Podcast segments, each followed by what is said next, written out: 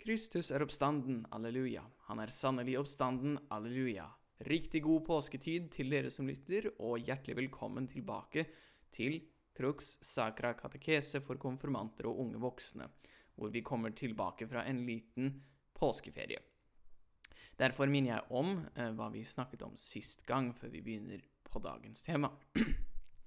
vi har begynt å gå gjennom de syv sakramenter, de syv nådeskildene, innstiftet av Kristus og gitt til kirken. I forrige episode snakket vi om dåpen, som er det første sakramentet, gjenfødselen av vann og Den hellige ånd til liv og nåde i Jesus Kristus inn i hans legeme, som er den katolske kirke. Som alltid eh, så kan dere enten høre på denne på radio, eller dere kan søke på Crux Sacra katekese på Spotify eller Apple Podcasts, eller der hvor dere hører på podkast, og dere vil finne det stedet der hvor disse episodene lagres. Men nå I dag skal vi snakke om det andre sakramentet i den tradisjonelle eh, rekkefølgen, som er fermingens eller konfirmasjonens sakrament. La oss komme i gang. Dåp kalles gjerne for åndelig fødsel, og da blir ferming det samme som åndelig oppvekst og modning. Ferming er sakramentet hvor en døpt person mottar håndspåleggelse, salving med olje og bønn fra en biskop, som virker Den hellige ånds komme over sjelen med stor styrke og med en større del i de syv gaver, i åndens syv gaver, og i tro, håp og kjærlighet, de teologiske dydene. Ordet ferming kommer av latin confirmare å styrke eller å bekrefte.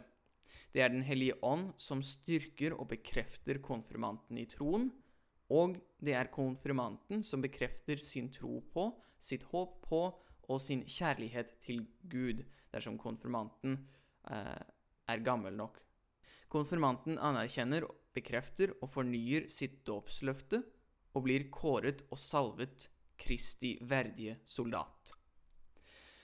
Så som vi har med ethvert sakrament, så er det en synlig del og en usynlig del.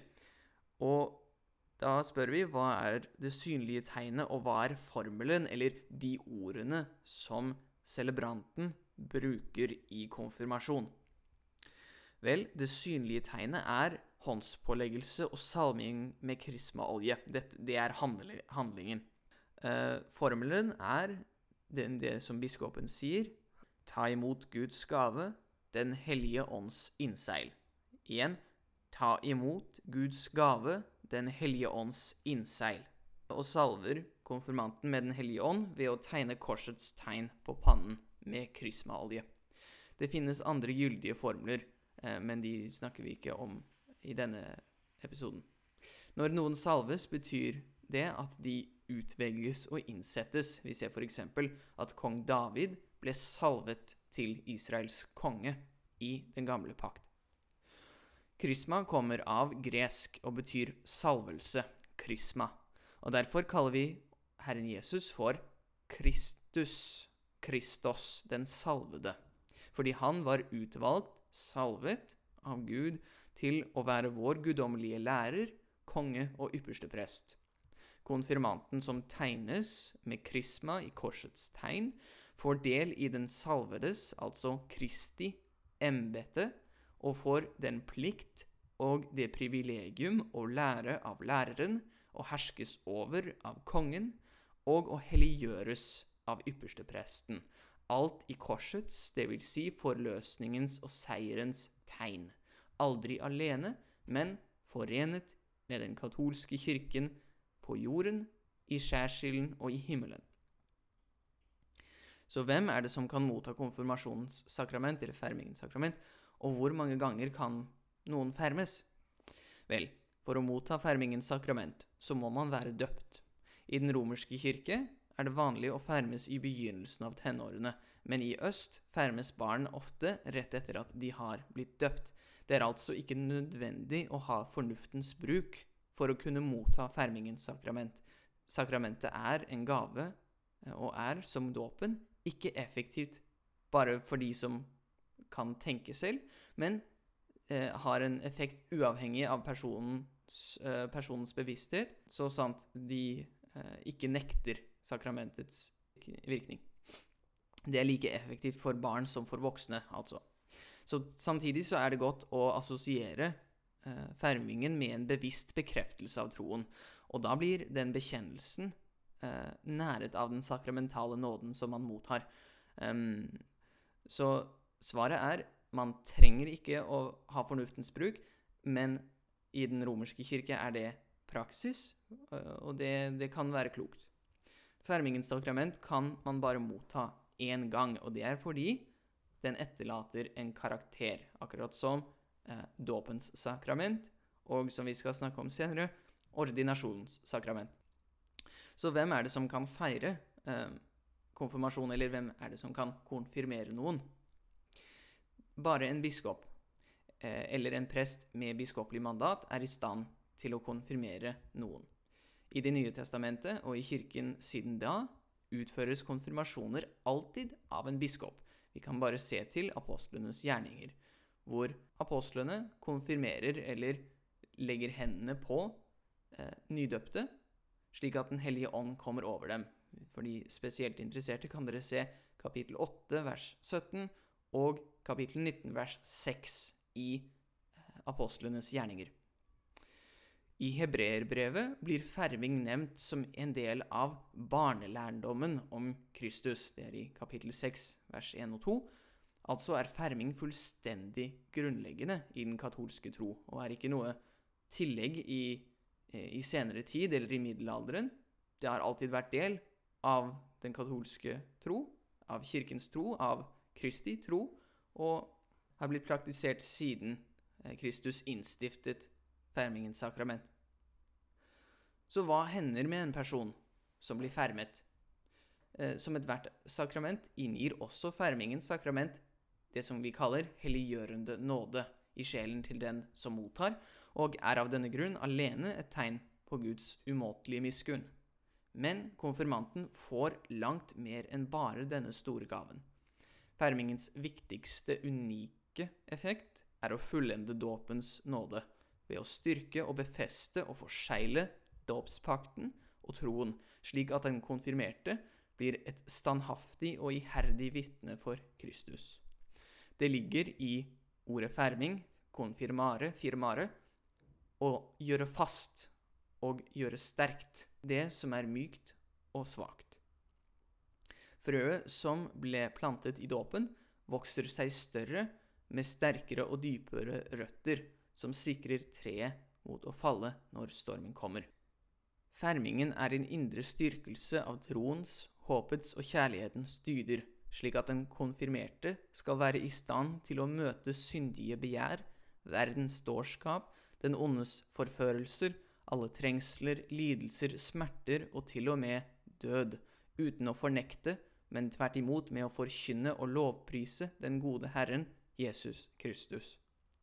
Fermingen gir sjelen en permanent karakter, og den gir større del i Den hellige ånds syv gaver, som er visdom, forstand, råd, styrke, kunnskap, fromhet og Guds frykt. Der nevnte jeg to ting som det er verdt å gå dypere inn i, nemlig fermingens karakter og åndens syv gaver, så da gjør jeg like godt det. Vi begynner med fermingens karakter. Fermingens karakter er en karakter av åndelig modenhet og brorskap. Vi husker at karakter er hva noe er innrettet mot, eller hva det er tilpasset til. Så ens karakter er, eh, er bestemmende for hvordan man oppfører seg.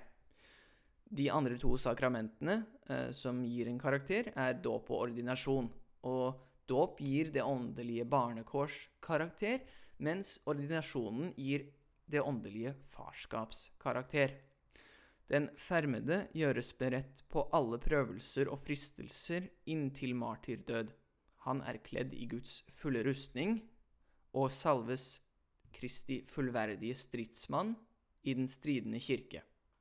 Konfirmanten går fra å være åndelig barn, opptatt med, men knapt i stand til å se til sine egne behov, til åndelig voksen, ikke bare i stand til å overleve og holde seg utenfor synd, men i stand til å vinne større seire over det onde og å fremme Guds rike på jorden. De tegnes med, de, de konfirmantene altså, tegnes med krisma i korsets tegn for å merke dem med Kristi tegn, så de bestandig husker at de tilhører ham og skal bære korset, hans gode åk, kjærlighetens og frihetens lov, som skal føre dem gjennom lidelse og død til oppstandelse og evig liv. Biskopen vil også gi konfirmantene et lett slag på kinnet, et ridderslag, for å minne dem om at de nå kalles til å kjempe tappert for sin herre. Fermingens styrke eh, ser vi allerede på pinsedag, den første konfirmasjonen, når Den hellige ånd kommer over apostlene og gjør disse engstelige og redde mennene som gjemte seg innendørs av frykt for jødene, til evangeliets trofaste og fryktløse forkynnere i hele den kjente verden. De trosser spott, slag, forfølgelser, fengsler, dom og til slutt død for Kristi skyld, der de tidligere var eh, spake og redde og opptatte av å frelse seg selv. Så det er fermingens karakter, og jeg håper det illustrerer hvor godt dette sakramentet er, og at det ikke er på ingen måte er et unyttig tillegg eller bare en seremoni, men at det virkelig, for det er et stort problem i dag, eh, at fermingens sakrament ikke ses på som mer enn en, en sånn hyggelig familiefeiring. Nei, fermingen er et sakrament. Det gir virkelig guddommelig kraft, og det er den naturlige fullendelsen av dåpen. Nå, det var konfirmasjonskarakter. Nå skal vi se på det andre jeg nevnte, som var åndens syv gaver. Vi sa at i fermingen så mottar man større del i åndens syv gaver. Da må vi se hva, hva som menes med det. Vel, for å forstå åndens syv gaver, så må vi forstå måtene Gud tilbyr oss, slik at vi kan bli perfekte. Og det er i hovedsak tre. Det er naturlig dyd, teologisk dyd og åndens gaver. Og det er så vi kan bli fullkomne og helliggjort i all vår gjerning. Nå, vi begynner med naturlig dyd. Naturlig dyd er vanen for å gjøre godt slik fornuften befaler i forhold til naturen, og kommer ved øvelse og oppdragelse, så det er noe mennesket har av seg selv, eh, og trenger ikke guddommelig hjelp for å utøve dem. Eksempler er klokskap, rettferd, mot og måtehold, som vi har snakket om tidligere.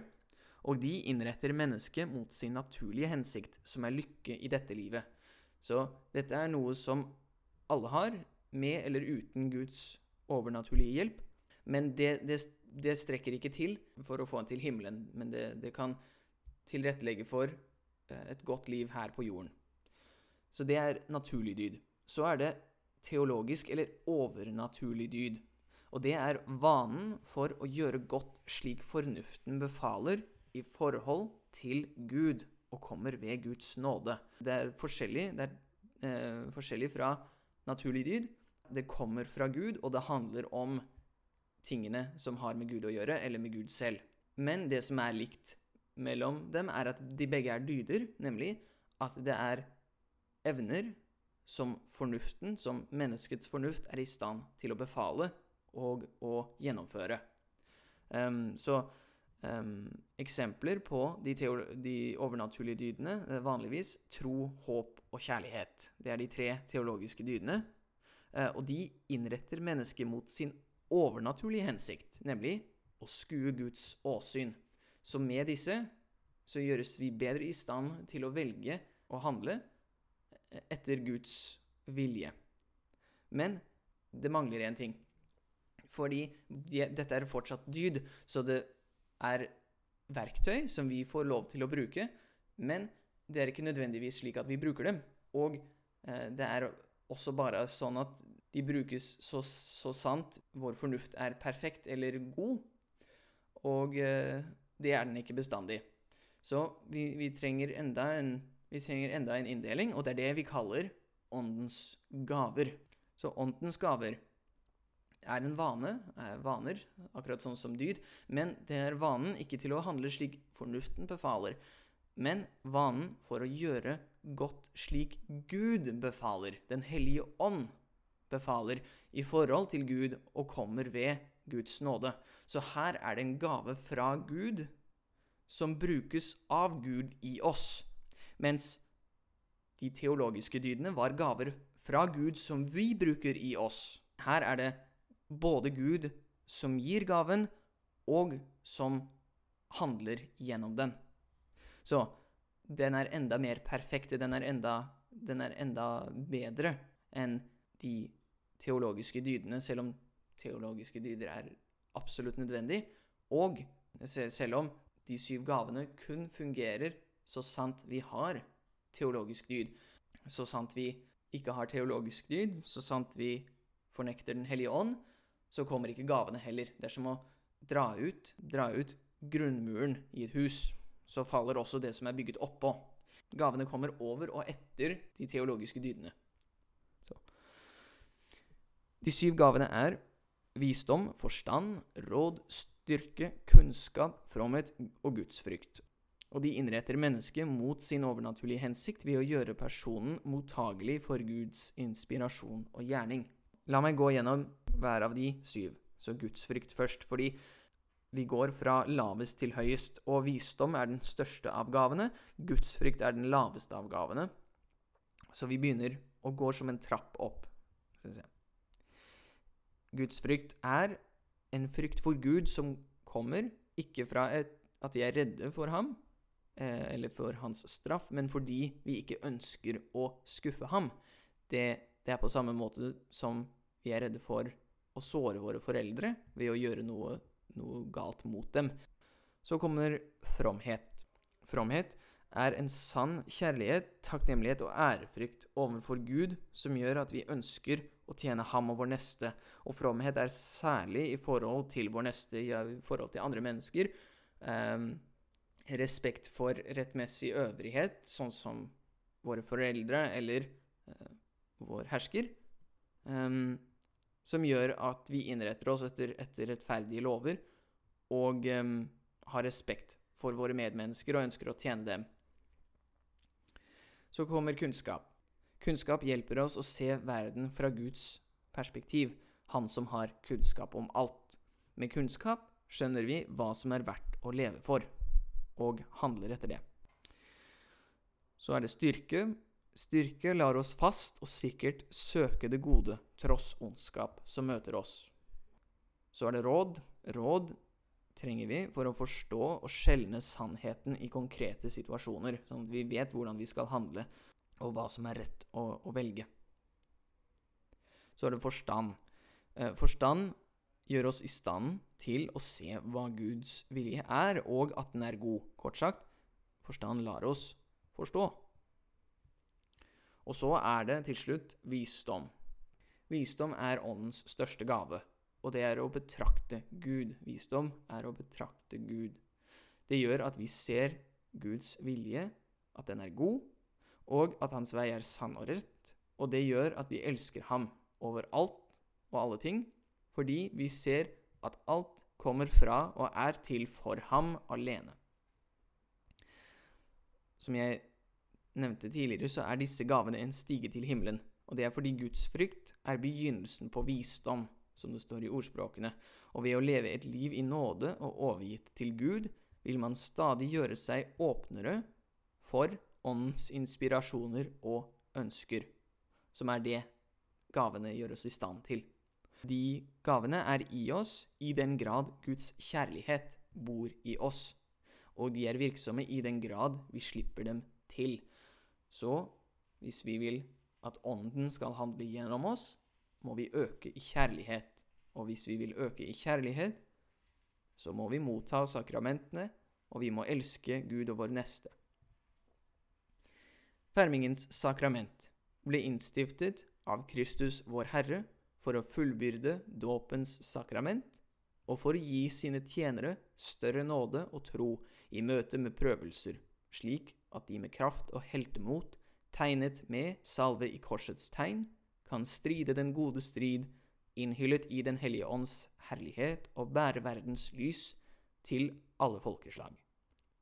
Jeg takker for at dere lyttet til denne episoden av Crux Sacra katekese for konfirmanter og unge voksne, og jeg håper dere lytter neste gang. Må håpets Gud fylle dere med all glede og fred i troen, så dere kan bli rike på håp ved Den hellige ånds kraft. I Faderens og Sønnens og Den hellige ånds navn. Amen.